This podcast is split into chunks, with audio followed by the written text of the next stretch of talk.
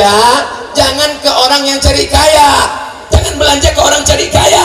Tapi belanjalah ke saudara kawan sahabat dekat tetangga warung-warung kecil untuk menghidupkan ekonomi oh umat. Kalau belanja nawarnya jangan membunuh. Ini adalah ibu-ibu menyisi ikan siang jam 12 siang. Ikannya berapa? Orang-orang kaya itu kalau ikannya berapa? Sampai nunjukkan cincin mahal. Ikannya berapa ya ikannya 20 ribu eh 5 ribu aja ya. Kok mau menawar apa membunuh? Untung ibu itu tak penyampai hati. Kalau saya lagi itu ditawarnya saya kasih pisau. Nah kau bunuh aja orang mau sekolah anaknya dia mau belajar mengaji anaknya dia mau anaknya selamat dari perbuatan dosa. Anak ini amanah dimasukkannya ke sekolah sekolah mahal. Kita membantu dia dengan niat membantu jangan tawar-tawar nanti Allah juga menawar rezekimu. Kau lepaskan kerja rezeki ini Allah akan melepaskan rezeki. Man yassara an musirin siapa yang melepaskan kesulitan orang yassarallahu anhu yaumal qiyamah maka Allah akan melepaskannya dari segala kesulitan. Amin. Sadaqatu sirri tadfa'u mitatasu kalau mau selamat dari su'ul khatimah banyak-banyak bersedekah. Kita selalu berdoa Allahumma khtim lana bihusnil tapi ada cara biar supaya mati selamat dari su'ul khatimah. Bagaimana caranya? Banyak-banyak bersoda sodakoh ibu bersodakoh Ustadz saya tak kaya tak ada duit sejuta setengah untuk beli jam. Bagaimana sedekah saya Pak Ustadz tidak tebak tafa aksir ma'aha. Kalau ibu masak banyakkan kuahnya. Kalau ibu masak banyakkan kuahnya. Nanti sore masak banyakkan kuah masukkan ke mangkok. Ah, kasih ke anak-anak kasih. Alhamdulillah Ustaz Somad. Setelah Ustaz ceramah ibu itu ngasih kuah. Selama ini ada ayamnya. Setelah Ustaz ceramah tak ada ayamnya. Kuah saja. Sih bukan itu maksud ceramah ini. Walaupun kau susah kau tetap berbagi makanan. Ittaqunnar jaga dirimu dari api neraka. Walau bisyikki tamrah kau ada kurma sebiji kau belah menjadi dua. Sebelah untuk mulut kawanmu sebelah untuk mulut engkau. Kurma itu akan menjadi dinding antara engkau dengan api neraka. Betul? Assalamualaikum warahmatullahi wabarakatuh. Waalaikumsalam. Apa hukumnya nempah skripsi Pak Ustaz? La dulu setahu saya orang nempah baju nempah celana nempah skripsi. Di mana tempatnya ini? saya kasih tunjuk dulu biar saya kasih alamatnya ke Pak Kapolsek biar ditangkap. Ini pembohongan. Ini penipuan. Kalau ada orang nipu beras yang rugi cuman makan nasi. Kalau ada orang nipu ikan yang rugi tukang makan ikan. Tapi kalau nipu skripsi inilah yang menyebabkan kerusakan anak-anak bangsa. Detail panjang sampai kartu nama sepanjang amplop. Tapi rupanya skripsi nempah tesis nempah disertasi nempah dibuatkan orang lain man ghasana falaysa minna siapa yang menipu bukan umat Muhammad sallallahu alaihi wasallam. Assalamualaikum Ustaz. Waalaikumsalam. Saya mau nanya lebih baik masbuk tapi cuma dapat tawarruk apa nunggu selesai terus buat jamaah baru. Kata Nabi sallallahu alaihi wasallam, kalau kamu menemui imam, lakukan apa yang dilakukan imam. Apa yang dilakukan imam? Lakukan. Imam sedang sujud, ikut sujud. Imam sedang ruku, ikut ruku. Imam sedang tawaruk, ikut tawaruk. Maka sudah dapat jamaah. Ini sekarang banyak saya lihat makmum masuk masjid, imam sedang sujud, dia nyantai buka HP. Setelah imam tegak, ah, baru dia simpan. Enggak, bukan begitu. Apa yang dilakukan imam, ikuti. Imam sedang duduk tawaruk, ikut tawaruk. Walaupun gak dapat, maka dapat solat berjamaah. Adapun yang membuat jamaah kedua, itu pun ada dalilnya. Apa dalilnya orang yang buat jamaah kedua? Selesai Nabi sholat, Muaz bin Jabal duduk di masjid. Muaz nggak pulang, dia duduk di masjid. Datang orang kampung, Muaz, kamu sudah sholat? Sudah. Kami ingin sholat Muaz, kami belum sholat. Tapi ingin ngambil barokah, ngalap barokah. Engkau jadi imam. Muaz jadi imam, sahabat jadi makmum. Mereka buat sholat keloter kedua. Jadi nanti kalau ada orang buat sholat keloter kedua, sah hadisnya riwayat Muaz tapi kalau masuk ke masjid ada orang tawaruk langsung ikut tawaruk kenapa? karena hadis Nabi menyebut kalau masuk masjid lakukan apa yang dilakukan i imam Nama Fulan bin Fulan. Alamat Bintara Bekasi. Assalamualaikum Waalaikumsalam warahmatullahi wabarakatuh. Bagaimana tinjauan fikih tentang prioritas ketika sedang solat saat terjadi bencana seperti gempa? Apakah lanjut atau ditunda solatnya yang utama Pak Ustadz? Ini pasti pertanyaan gara-gara ngelihat video CCTV masjid. Ada imam yang bertahan megang dinding. Ada makmumnya tahan, imamnya kabur makmumnya bertahan. Imam lagi bingung gimana? Imam dah cabul. Kamu kita Pak Imam tahan dulu. Nah bagaimana ini masalah solat? Solat boleh bergerak. Boleh enggak bergerak dalam solat? Boleh. Uktulul aswadaini fi solah. Bunuhlah dua yang hitam ketika engkau sedang solat. Allahu Akbar. Nampak ada dua yang hitam apa itu? Al-af'a, ular. Al-aqrab, kala jengking. Makanya sholat itu mata dibuka. Yang tutup, tiba-tiba datang anaconda. Ambil kayu, pukul. Pukul. Sampai mati. Setelah mati. Enggak juga mati, kabur, lari. Pindah tempat lain, lanjutkan sholat. Sholatnya tidak batal. Dua, dalam kitab fikih, bukan hadis. Ketika sedang sholat di hutan, kebetulan ada sumur, sumur tua, pas lagi sedang sholat, nggak tahu datang orang buta dari mana, lewat orang buta. Hampir masuk sumur. Jangan kau biarkan dia masuk. Tarik tangannya, selamatkan dia. Ah, geser, selamatkan. Lanjutkan sholat. Tapi jangan ngomong. Jangan, Pak, jangan sini lagi ya.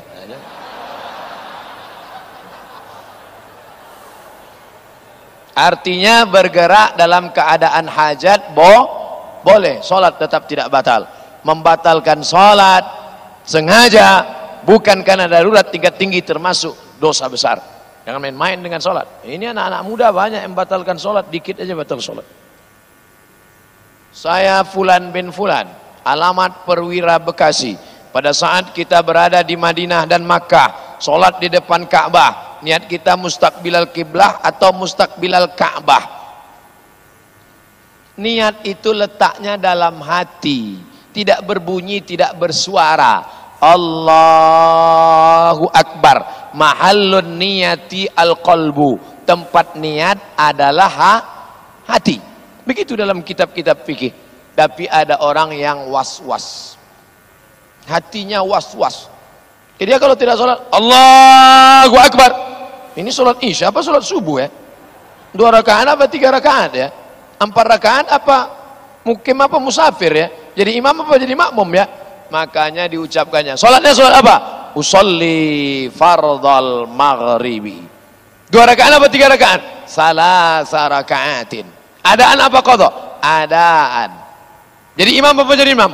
Makmuman lillahi ta'ala usalli fardal maghribi salasa raka'atin adaan ma'muman lillahi ta'ala. Allahu Akbar. Maka melafalkan niat ini bukan hadis tapi ijtihad ula, ulama. Ada yang tidak menyebut mustaqbilal kiblah tapi sah karena dia sudah menghadap. Adapun mustaqbilal kiblah atau mustaqbilal ka'bah maka kiblat ada tiga.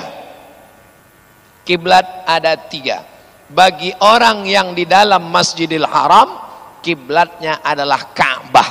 Bagi orang yang di luar Masjidil Haram kiblatnya adalah Masjidil Haram. Bagi orang yang di luar tanah haram ingat juga ke belakang takut jatuh. Bagi orang yang di luar tanah haram maka kiblatnya adalah tanah haram. Maka kita yang di Indonesia kalau sholat mustaqbilal qiblah karena belum tentu tepat ke Ka'bah. Karena Ka'bah cuma 11 15 meter. Tidak mungkin kena. Berapa tanah haram? Ini Ka'bah ke Arafah 22 km ke Hudaybiyah 20 meter. Jadi tanah haram itu panjangnya 20 tambah 22 sama dengan 42 km kalau engkau sholat dari Bekasi kena yang 42 km itu ujungnya atau tengahnya maka sholatnya sah jelas Di dalam Masjidil Haram kiblatnya Ka'bah. Di luar Masjidil Haram kiblatnya Masjidil Haram. Di luar tanah haram kiblatnya adalah tanah haram. Jangan terlalu ke kiri. Nanti kenaknya Mesir. Makanya arah-arah Fir'aun deh.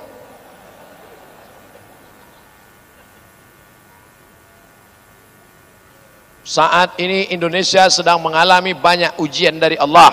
Gempa Lombok, tsunami Palu Donggala, timnas kalah 2-0 dari Jepang. Pesawat layan jatuh. Bagaimana menyikapi bencana yang sedang bertubi-tubi ini Pak Ustadz? Kita doakan yang kena musibah supaya sabar. Keluar dari mulutnya inna lillah wa inna ilaihi raji'un. Adapun kita yang masih sehat pahami itu. Pertama doakan mereka. Yang kedua terus amar ma'ruf nahi mungkar. La ta'murun nabil ma'ruf. Ajak orang berbuat baik. Wala tan'aunna 'anil mungkar larang orang dari buat mungkar. Kalau itu tidak kamu lakukan la yushikanna ayyab'atsallahu 'alaikum iqaban. Allah akan menurunkan hukuman bencana musibah thumma tad'unahu lalu kalian berdoa beramai-ramai. Fala yustajabu lakum. Doa kamu tidak dikabulkan karena tidak melakukan amar ma'ruf nahi mungkar. Kalau ada orang pacaran suruh dia berhenti. Eh hey, yang pacaran-pacaran buanglah mantan pada tempatnya. Apakah saya berdosa bila teman baik saya berutang uang pada saya? Namun saya tidak menagihnya karena saya ikhlas melihat dia serba kekurangan dalam hidupnya. Ini yang paling bagus saudaraku. Hutang tiga. Yang pertama catat. Al-Baqarah 282. Ya ayyuhallazina amanu. Hai orang beriman. Idza tadayantum kalau kalian menjalin transaksi utang piutang ila ajalin musamma sampai batas waktu tertentu faktubu tulis kapan kamu bayar 1 Januari 2019 oke. Okay. sampai 1 Januari 2013 ayat yang kedua. Bayar. Tagih dia tanya. Kapan kamu bayar? Saya belum bisa bayar. Fa in kana usratin. Kalau belum sanggup bayar fa ila maisarah. Sampai lapang. 1 Januari nggak bisa bayar? Nggak bisa. Kalau gitu kamu bayar sampai lapang. Kapan kamu bisa bayar saya bisa bayarnya 1 Mei. Maybe yes, maybe no. 1 Mei ya? Ya, 2019. Oke. Okay. 1 Mei datang lagi. Bayar. Enggak bisa bayar. Masuk SP3. Yang ketiga gimana? Wa antasaddaqu khairul lakum. Karena kamu enggak bayar juga, aku sedekahkan. Ambil. Tapi yang ngapal ayat ini yang ngasih pinjaman bukan yang minjam. Sekarang banyak yang ngapal ayat ini yang minjam. Begitu kita tagih, kapan kamu bayar? Wa antasaddaqu khairul lakum. Kalau kau sedekahkan lebih baik, sedekahkannya ikhlas. Karena kamu nggak bisa bayar, aku sedekahkan. Tulus. Jangan karena kau nggak bayar, aku sedekahkan. Ambil, ambil. ambil. Tapi jangan ku tengok muka kau lagi. Ya. Ustadz, bagaimana kiat mendidik anak di zaman medsos? Karena sekarang ini kita dan anak-anak kalau panggilan suara HP langsung datang. Tapi kalau panggilan azan cuek saja. Memandikan anak tidak sama seperti memandikan beruk. Tahu beruk? Monyet, monkey di kampung-kampung masih dipakai untuk manjat pohon kelapa diikat pakai tali. Dia tahu ngambil kelapa tua, kelapa muda. Beruk ini dimandikan, ikat pakai tali, campakkan ke kolam, dia mandi sendiri, ditonton dari atas. Memandikan anak bukan seperti memandikan bro, tapi seperti memandikan kuda. Bagaimana memandikan kuda? Kita ikut ke sungai, dia basah. Kita basah, dia pun basah. Maka anak-anak bawa ke masjid. Alhamdulillah malam ini masih banyak anak-anak yang dibawa ke masjid. Anak-anak mendengar ceramah datang ke masjid. Anak-anak, itu anak-anak. Anak-anak, ibu, anak-anak. Selama di masjid masih ada anak-anak yang menangis, masih ada anak-anak yang menjerit, masih ada anak-anak yang lari-lari, maka izzatul Islam akan tetap jaya 30 tahun yang akan datang. Amin. Nah, masih ingat dulu kau ceramah, Masih ingat dulu kau datang ke Masjid Izzatul Islam? Ingat. 20 tahun akan datang anak ini yang akan menelpon Ustadz Abdul Somad. Mereka buka buku catatan. Ternyata 20 tahun yang lalu ada Ustadz yang datang kemari. Assalamualaikum. Waalaikumsalam. Betul nih Ustadz Somad? Betul. Pernah ceramah di Izzatul Islam? Ya, 20 tahun yang lalu. Kamu siapa? Saya yang kecil waktu itu Pak Ustadz. Sekarang saya sudah jadi ketua masjid. Mereka undang saya datang kemari. Sebagian Bapak Ibu sudah qalu innalillah wa inna ilaihi rajiun. Tapi suara saya sudah tak kuat lagi macam ini. Sekarang sudah 41. 20 tahun lagi berarti sudah 61 tahun. Tidak bisa lagi tegak. Sudah pakai kursi sudah. Assalamualaikum warahmatullah. Pengajian kita malam ini adalah mengingat sakaratul maut. Tapi saya bangga. Kenapa? Yang dulu lari-lari, yang dulu lompat-lompat, selamat mereka dari zina, selamat mereka dari narkoba, selamat mereka dari sabu-sabu, selamat mereka dari pergaulan bebas, selamat mereka dari syiah, selamat mereka dari sekuler, selamat mereka dari liberal. Kenapa? Dibentengi di Masjid Izzatul Islam. Allahu Akbar. Hmm, dari takbirnya nampaknya belum ngantuk.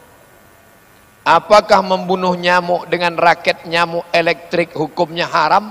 Tidak.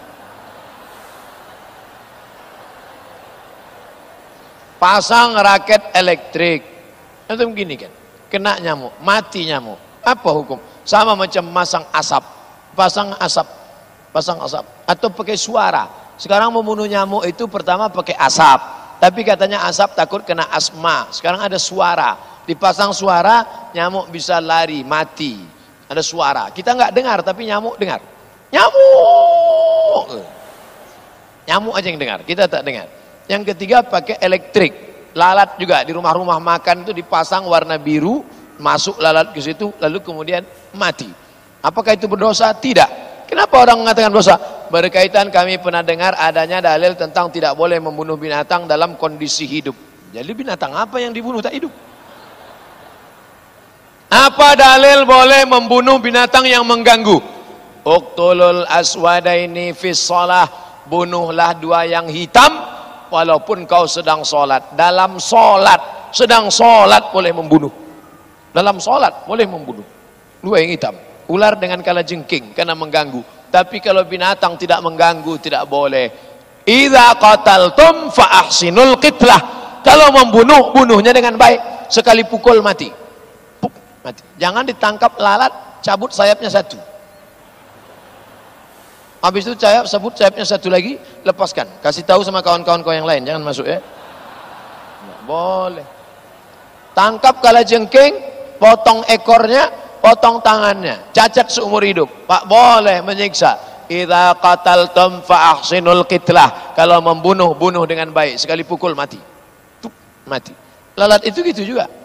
Lalat itu atau nyamuk itu sekali pukul mati. Jangan kau tangkap nyamuk, kau setrum dikit-dikit. Ter ter. Hmm, kau saja ter. Habis itu lepaskan pergi sana. Bayangkan gila dia seumur hidupnya. Dah. Hadis sahih. Idza qataltum fa ahsinul qitlah. Idza dzabhtum fa ahsinuz dzabhah bagaimana kami menyembelih dengan baik ya Rasulullah? Falyuhidda syafratahu tajamkan pisaunya. Tapi katanya enggak boleh bunuh pakai api. Itu kan bunuhnya pakai api enggak boleh. Lihat dulu kronologis ceritanya. Sahabat musafir dia ambil obor. Lalu ada sarang semut. Di obor dia nyalakan. Dia suka ngelihat semut lari. Tersiksa semut. Semut yang sedang walimah di atas semut sedang pilkada habis baleho-baleho mereka terbakar Nabi datang, Nabi marah. Apa kata Nabi? La yu'adzibu bin nar illa rabbun nar. Tidak boleh membunuh dengan api kecuali Tuhan pemilik api. Konteks ceritanya itu bukan di rumah. Dia tidak mengganggu. Mereka sedang musafir dalam perjalanan, di atas pohon kayu ada sarang semut, lalu diganggu. Nabi marah karena menggang. Adapun kalau dia yang mengganggu, dia boleh dibunuh, tapi sekali pukulan mati. Mudah-mudahan kita termasuk orang yang rahmatan lil. Seorang perempuan rajin ibadah, rajin sedekah, tapi tidak memberi makan kucing, masuk neraka. seorang perempuan pelaku maksiat tiba-tiba melihat seekor anjing menjulurkan lidah kehausan diambilnya sepatunya diambilnya air dia berikan minum ke seekor anjing maka Allah mengampunkan dosa-dosanya. Hadis sahih riwayat tentang Bani Israel. Binatangnya anjing perempuannya nakal jahat maksiat. Tempat mengambil airnya sepatu busuk bau. Tiga-tiganya tidak baik. Tapi kenapa dia bisa diampunkan Allah dosa? Karena ada rasa kasih sa sayang. Tapi jangan gara-gara ini besok semuanya beli anjing. Hadis ini ceritanya tentang Bani Israel sebelum Nabi Muhammad. Adapun sekarang, siapa yang memelihara anjing di antara bapak ibu kalau ada melihara anjing, tiap hari amalnya dikurangi sebesar bukit Uhud. Bukit Uhud panjangnya 7 kilometer setiap hari amalmu dikurangi sebesar bukit Uhud. Sedangkan amalmu cuma sebesar bisul. Berarti setiap hari min, min, min, min, min, min. Oleh sebab itu jangan piara anjing. Ini banyak orang untuk salon anjingnya aja sampai sejuta sebulan. Bagus kok infakkan sodakoh ke masjid. Nah, ini mesti dipahami hadis dengan baik. Saya Fulan bin Fulan dari Setu Bekasi. Setu apa Setu? setu. Semoga Ustadz selalu dalam lindungan Allah. Amin. Saya mau tanya Ustadz, sejauh mana Islam mengajarkan toleransi terhadap agama lain? Ya Rasulullah, ya itu Ali kerja di rumah orang Yahudi. Apa kerjanya? Menimba air. Susah. Dari Makkah nggak ada duit. Sampai di Madinah Ali menimba air. Sayyidina Ali menimba air di rumah orang Yahudi. Kata Nabi nggak apa-apa itu dalil boleh kerja sama non muslim. Dua, datang Asma menjumpai Nabi, "Ya Rasulullah, ummi qadimat wahiyya raghimatun." Ibu saya datang, ibunya non muslim, tak Islam. Dia mau ketemu saya, boleh. Kata Nabi, "Siliha." Silakan sambung tali silaturahim. Apa utiha? Boleh saya beri hadiah? I'tiha, beri hadiah itu dalil boleh menyambung silaturahim dan boleh berbagi hadi hadiah bertetangga dengan non muslim silakan. Sekantor dengan non muslim no problem. Tapi kalau sudah masalah akidah masalah al wala wal bara masalah memilih pemimpin masalah wakil rakyat yang menentukan APBD APBN kita tak ada tawar menawar amanah. Wala ana abidum ma'abatum wala antum abiduna ma'abud lakum dinukum waliyadin. Ada seorang membeli sebidang tanah harganya 80 juta dengan pinjaman bank berarti mengandung unsur riba kemudian orang itu bertobat dari praktek riba satu apa solusi yang tepat untuk keluar dari praktek riba kalian yang punya utang di bank jual aset yang bisa dijual boom pam tutup Berapa utangmu di bank? 100 juta. Ada tanah yang kosong, ya jual. Tutup. Enggak ada Pak Ustaz. Kalau ini dibom meledak semuanya. Berarti darurat. Maka kau bayar saja sampai lunas. Habis itu taubat, berhenti. Jangan lagi riba. Dua. Apakah tanah tersebut sebaiknya diwakafkan atau sebagian seluruhnya? Tidak. Tanah itu sudah jadi milikmu. Mobil itu kalau kredit sudah jadi milikmu. Motor itu milikmu. Jangan kau jual. Tiga, apakah tanahnya sebaiknya dijual dan uangnya sebaiknya dikemanakan? Kalau engkau punya aset lain, tanah ini kau jual, bagus. Yang lain masih bisa untuk aset keluarga, untuk ini segala macam. Ini berlebih. Maka kau jual tanah ini, uangnya dikemanakan Pak Ustadz? Bawalah ke Izatul Islam. Nih, insya Allah pengurus sudah siap dah. Oh, jangan tunda-tunda, besok pagi jual langsung. Bawa kepada Apakah saat seorang istri keguguran sebelum empat bulan Bayinya akan dibangkitkan kembali di hari akhir nanti Pak Ustadz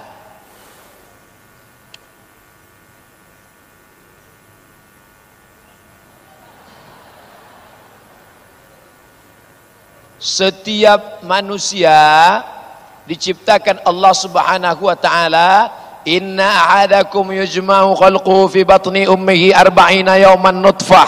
40 hari dalam bentuk sperma. Thumma yakunu alaqah. 40 hari dalam bentuk darah menempel di dinding rahim. Summa yakunu mutawatan misla dhalik. 40 hari dalam bentuk segumpal daging. 40 hari air.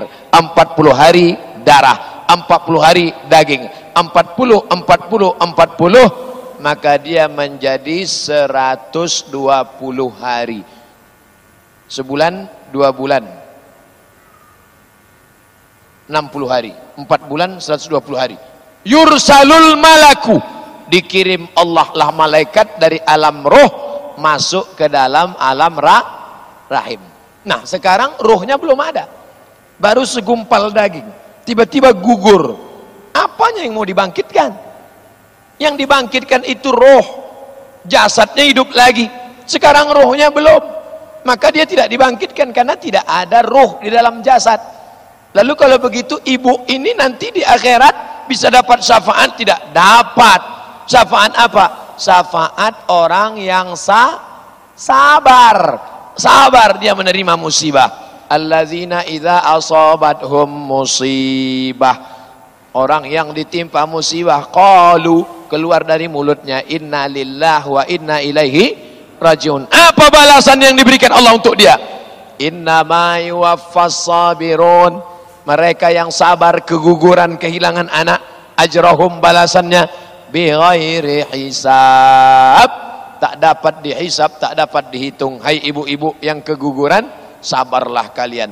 Hai bapak-bapak berikan istri kalian kesabaran. Mereka sabar jangan dimarahi. Ah itulah kamu. Lompat-lompat kan jatuh ya kan Bagaimana memerangi cara hawa nafsu di saat sendiri atau tidak ada orang Pak Ustadz? Ini pasti anak muda yang belum kawin. Nakanya nikah. Kemarin saya sudah dapat SMS waktu mau bulan puasa kemarin. Eh, tong. Ini orang udah mau bangun sahur. Yang punya istri dibangunkan istrinya. Ente mau dibangunin pakai mercon. Manistata aminkumul ba'ah Siapa di antara kalian yang sudah sanggup menikah fal yatazawwaj menikahlah. Fa innahu awadul basar. Nikah itu menjaga mata wa ahsanul farj menjaga kemaluan. Faman lam yastati siapa yang tidak sanggup menikah fa alaihi bisawm hendaklah dia banyak-banyak puas puasa. Kalau engkau banyak puasa, nafsunya ada, tenaga enggak ada. Nafsu ada, tenaga enggak ada. Bro, bro, bro, ada cewek cantik. Aduh, gua enggak ngeliat dah. Itu yang baju merah eh, kayak semangka. Mohon dijelaskan bagaimana hukum dan solusi bila kita memberikan uang kepada orang tua untuk kebutuhan sehari-hari, tapi dipakainya untuk berjudi. Dulu selalu dikhawatirkan kenakalan anak muda, kenakalan remaja. Ternyata yang dari banyaknya pertanyaan saya tangkap dari mulai tadi malam kenakalan orang tua. Tadi malam ada kertas yang masuk bagaimana emak ayah kami tak sholat. Ini sekarang berjudi pula. Ini yang tak sholat tadi malam dengan yang berjudi yang sama pula orang. Yang tak sholat berjudi pula. Hai orang tua-tua Hai orang tua Anak kalian sudah ngaji Anak kalian sudah tobat Anak kalian sudah jadi remaja masjid Tak madukah kalian? Gara-gara kalian dia lahir ke atas dunia ini Mestinya kalian yang menjadikan contoh yang baik-baik Mestinya kalian yang membimbing dia Mengajak dia ke masjid Kalian pula yang berjudi Kalian pula yang tak sholat. Kalian ini orang tua bangka sudah mau jadi Makan cacing tanah. Kenapa tak juga ingat tobat? Dan nanti putarkan pengajian subuh ke telinga dia, tapi jangan lupa doakan orang tua ini supaya dikirimkan Allah angin hidayah ke dalam hati dia. Apa hukum nikah siri? Nikah siri kalau cukup syaratnya sah. Kalau cerita mati dia nikah.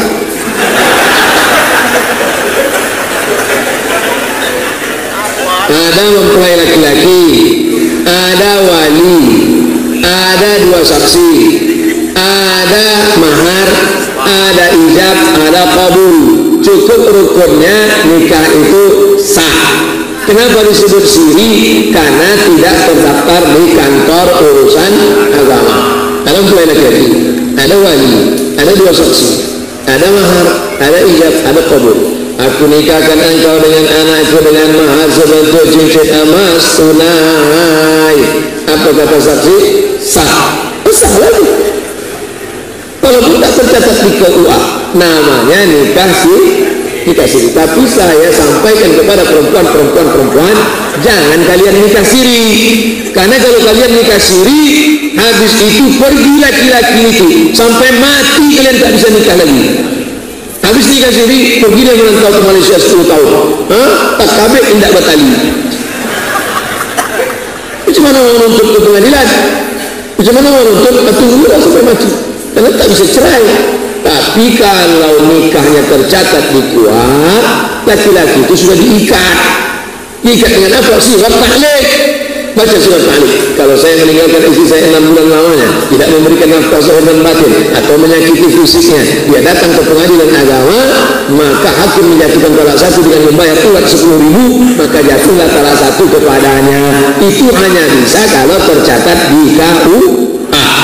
Maka jangan mau nikah siri jangan mau nikah siri laki-laki itu dia enak saja. Ini saya bercerita ini sebagai keluarga perempuan. Karena ada jamaah perempuan. Kalau laki-laki tak saya bahas.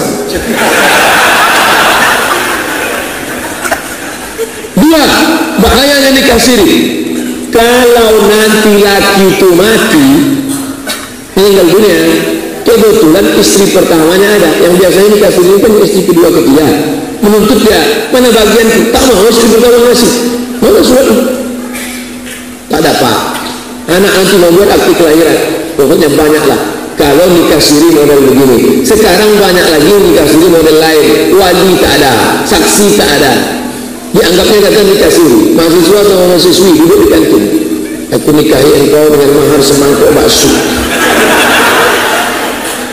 Yang jadi saksi siapa bang? Malaikat-malaikat yang bersama kita. Itu zina. Itu tak betul. Jadi kesimpulan nikah siri ini kalau cukup hukum syaratnya maka nikahnya sah secara fikih tapi secara negara tidak sah. Jangan mau nikah siri karena lebih banyak mudaratnya. Apabila orang tua kita belum mampu untuk melakukan akikah, bolehkah anak tersebut akikah sendiri? Boleh. Mana dalilnya? Apa an-nafsi ba'da ma bu'itha nabiyan. Nabi mengakikahkan dirinya sendiri setelah jadi nabi. Kata Syekh Albani hadis itu sahih. Mazhab Syafi'i buka pendapat Imam An-Nawawi meninggal tahun 676, 676. Imam Nawawi berkata boleh mengakikahkan diri setelah dewasa kalau punya duit. Apa? Tak ada duit dulu waktu kecil orang tua belum mengakikahkan, ibu belum akikah. Sekarang ada duit, balik dari sini belikan dulu. Nanti siang saya datang. Saya mesti lama lagi sini. Saya balik hari Ahad pagi. Siapa yang mau akikah, akikahlah. Nanti siang kita makan kambing. Nanti malam makan kambing. Besok pagi makan kambing. Hari Sabtu makan kambing. Sampai pagi Ahad yang mau akikah, akikah. Boleh. Tapi kalau sudah umur 40-30 akikah saja. Jangan minta cukur rambut pula.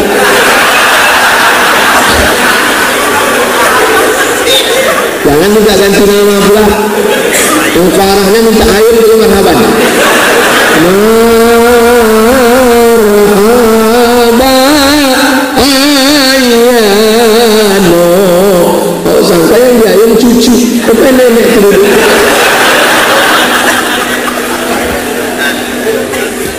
Sebelum menikah, ridho Allah, ridhonya orang tua. Sesudah menikah ridho Allah ridho suami. Jika suami minta dilayani sementara orang sedang azan sholat mana yang didulukan Pak Ustaz? Ini menunjukkan laki kau Fir'aun. Laki Fir'aun ini contoh laki Fir'aun. kalau laki itu soleh pasti dia udah ke masjid duluan. Belum mazan dia udah ke masjid.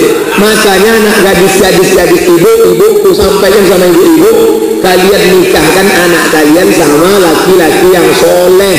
Jangan kalian tengok mobilnya mewah jangan karena dia PNS akhirnya di situ orang azan di situ dia minta.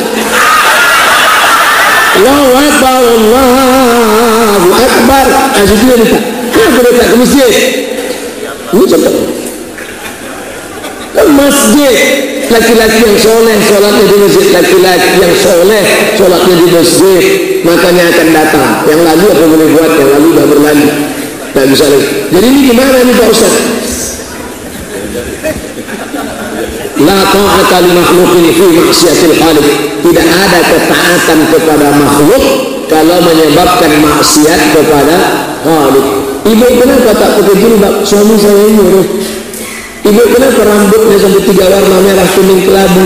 Suami saya nyuruh. Kan surga di bawah tapak kaki suami Pak Ustaz. Suami yang bagaimana? Suami yang bagaimana? Itulah makanya di Malaysia sebelum orang menikah itu ada namanya kursus perkahwinan.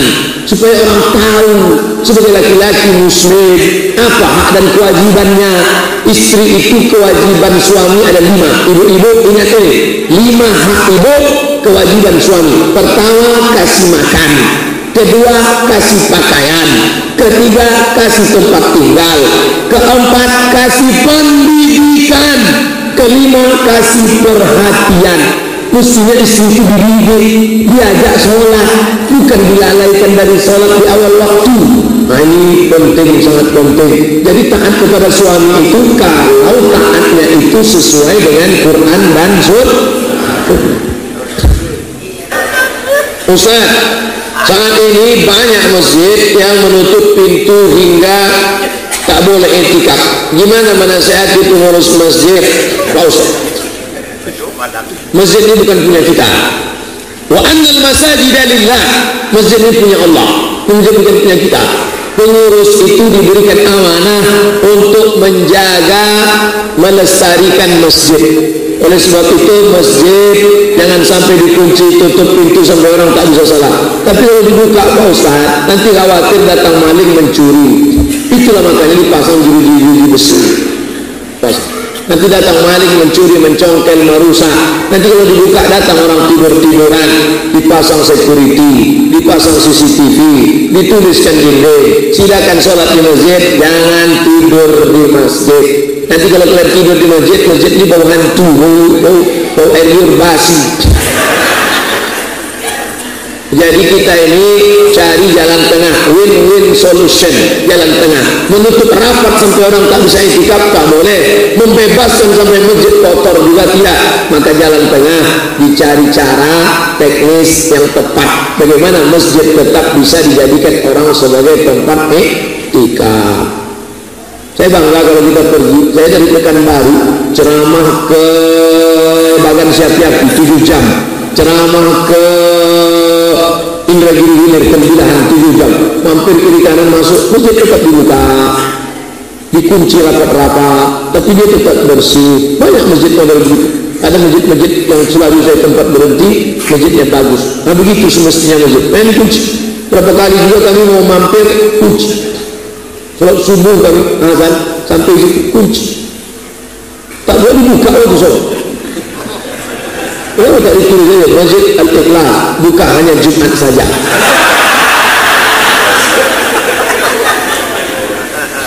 Berikan saya kami semua nasihat Pak Ustaz. Dari kaji dan nasihat ya.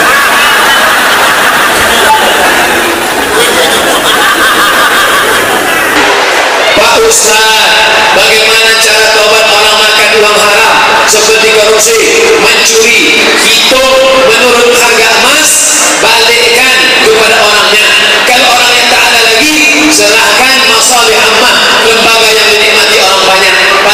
jompo panti yatim fakir miskin masjid niatnya bukan niat sedekah tapi mengembalikan uang umat kepada umat Padahal uang tersebut sudah diberikan rumah, tanah, dan lain Apakah harus dibuang? Dibalikkan senilai itu.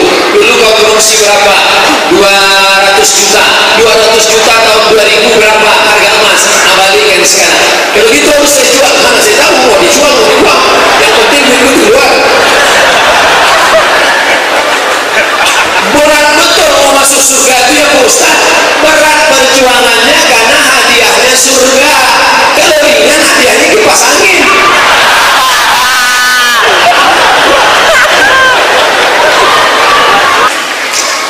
Mohon penjelasan bagi kami tentang istilah awaludin ma'rifatullah.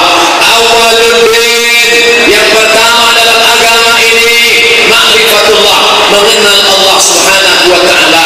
Itu bukan hadis Nabi itu ungkapan ulama tasawuf. Sebelum cerita masalah hati sebelum cerita masalah salat sebelum cerita masalah halal haram sebelum cerita masalah zakat puasa maka mengenal Allah buka utama. Ada dalilnya dari mana? Dari ayat Al-Quran. La ilaha illallah tengok pangkat ayatnya. Fa'lam fa'lam ketahuilah. Fa'lam annahu la ilaha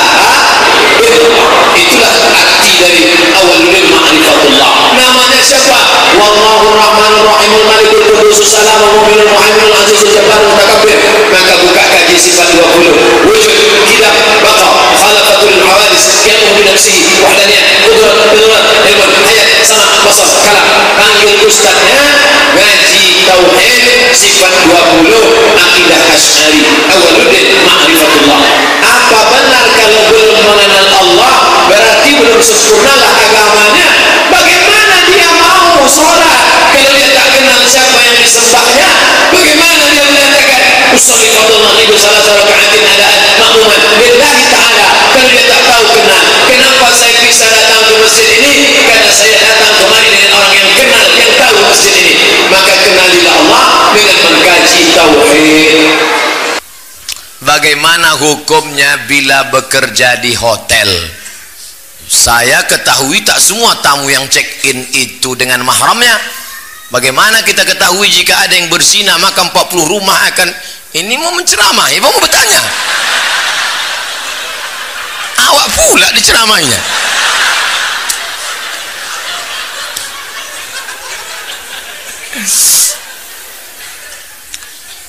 famanittaqas subhat faqad istabra'a lidinihi wa irdihi ini hutan lindung. Di hutan lindung ini haram mengembalakan kambing. Forbidden. Tak boleh. Ini hutan punya masyarakat. Bebas mengembalakan kambing. Silakan. Boleh. Tapi di tengah ini ada jalan subhat Siapa yang mengembalakan kambing di sini khawatir kambingnya masuk kemari. Di hotel itu ada khamar. Di hotel itu ada minuman haram. Di situ pula ada. Jadi saya kerja di mana Pak Ustadz? Hotel syariah. Saya kalau tinggi di kota-kota ceramah, ceramah saya di Surabaya. Panitia membawa saya ke hotel syariah dibawalah saya ke hotel yang tak syariah. Sudah pakai peci, pakai sorban, pakai sarung masuk ke lift. Pas di muka perempuan resleting terbuka. Astagfirullah. Ngau ditengok berdosa tak ditengok mubazir. Alhamdulillah di Batam saya tidak ditempatkan di hotel tapi yang tempat selamat. Di mana tuh Pak Ustaz tak boleh sebutkan. Nanti datang jamaah ramai-ramai. Oleh sebab itu maka berbahagia kita kalaulah masyarakat yang kaya-kaya ini membuat hotel syariah. Amin.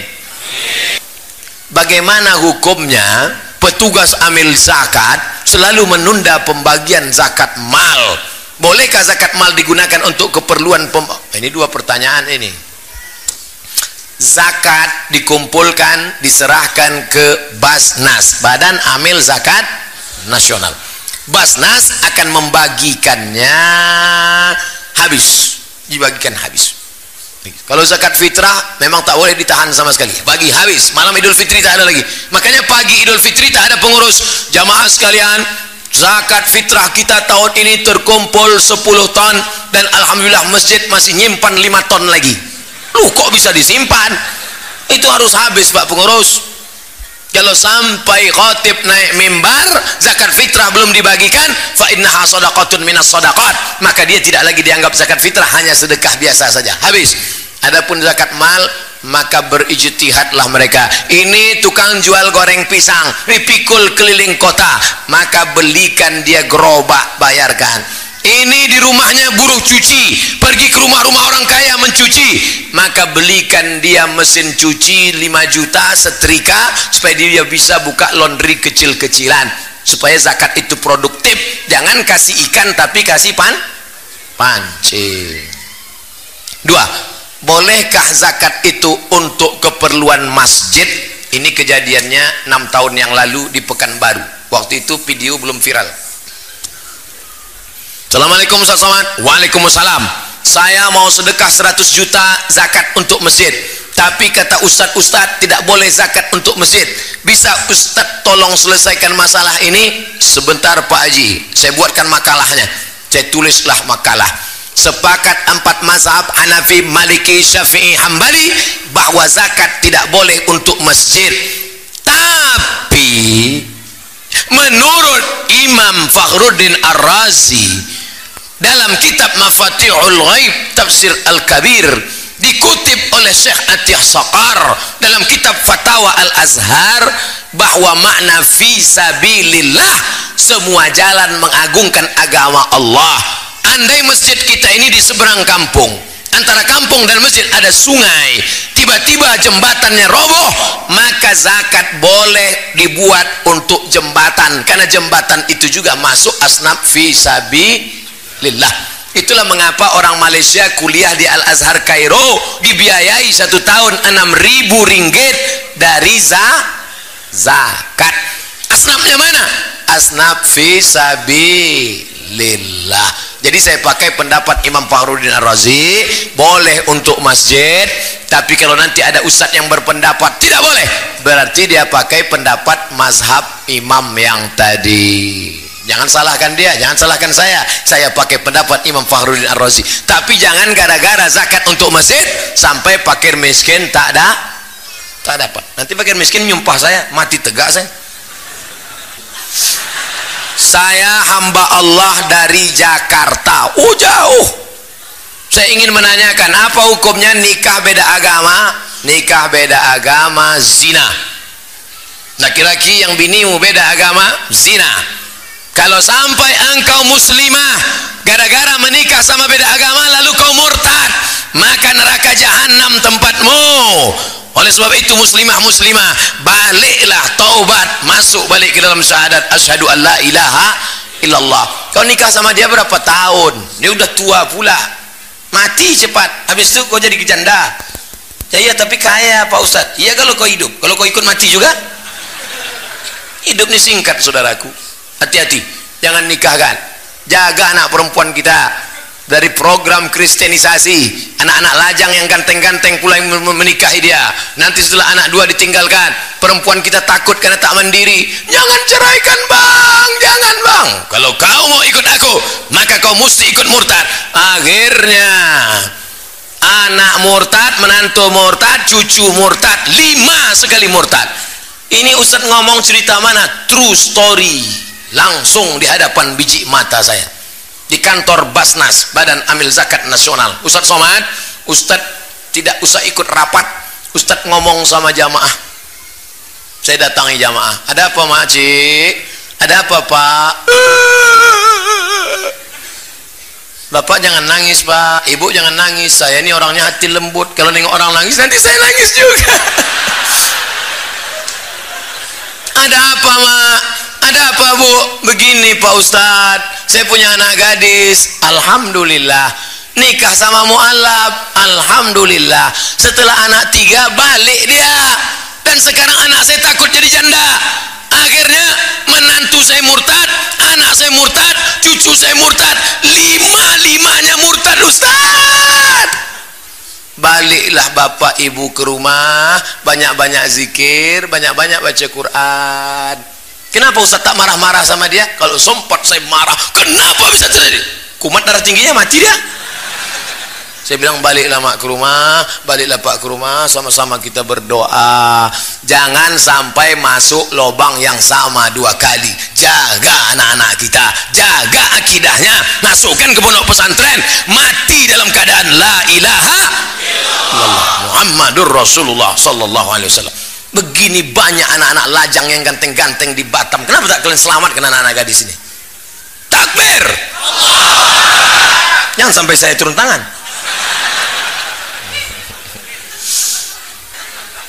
Karena saya pernah dengar dari ustadz lain apabila suamimu tidak mau sholat berarti kamu sama halnya berhubungan dengan setan. Makasih Pak Ustadz. Orang yang tak sholat itu dua yang pertama fasik. Yang kedua kafir. Apa beda fasik sama kafir? Tanya dia bang abang kenapa tak sholat? Menurut saya sholat itu buang-buang waktu saja. Nah itu kafir kalau begitu nanti jawaban suamimu maka kau sudah fasakh dengan dia. Kalau suami menjatuhkan talak namanya talak. Kalau istri menggugat namanya khulu kalau otomatis dilepas hakim namanya fasah karena suami sudah murtad tapi kalau ditanya abang kenapa tak sholat? Aku sebetulnya tahu sholat itu wajib adinda. Kenapa tak sholat? Aku malas. Dia fasik. Wallahu la yahdil qaumal fasikin Allah tak berikan hidayah pada orang yang fasik. Ustadz yang bilang tadi suami ibu setan dia geram aja itu apa hukumnya pengurus masjid tidak segera membelanjakan uang infak sodakoh untuk keperluan masjid? Ini bertanya penyindir.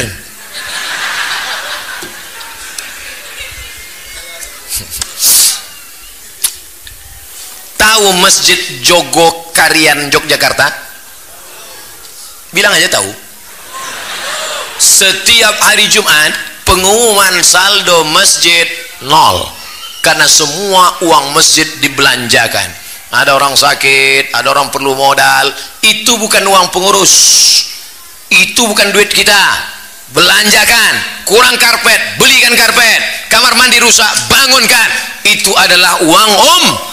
Uang umat. Suara mikrofon tak bagus belikan. Ustaz nyindir. Enggak suara mikrofon mantap. Papan tulis mantap. Mesin semuanya mantap. Air minum banyak teh manis saja tak ada lah saya tak minum manis. Ustadz yang sudah ceramah tenggorokannya panas jangan siram air gula. Siram air gula suara hilang. Nanti 20 tahun lagi ceramah. Saya tak pandai saya nyindir-nyindir tuh. Saya to the point aja langsung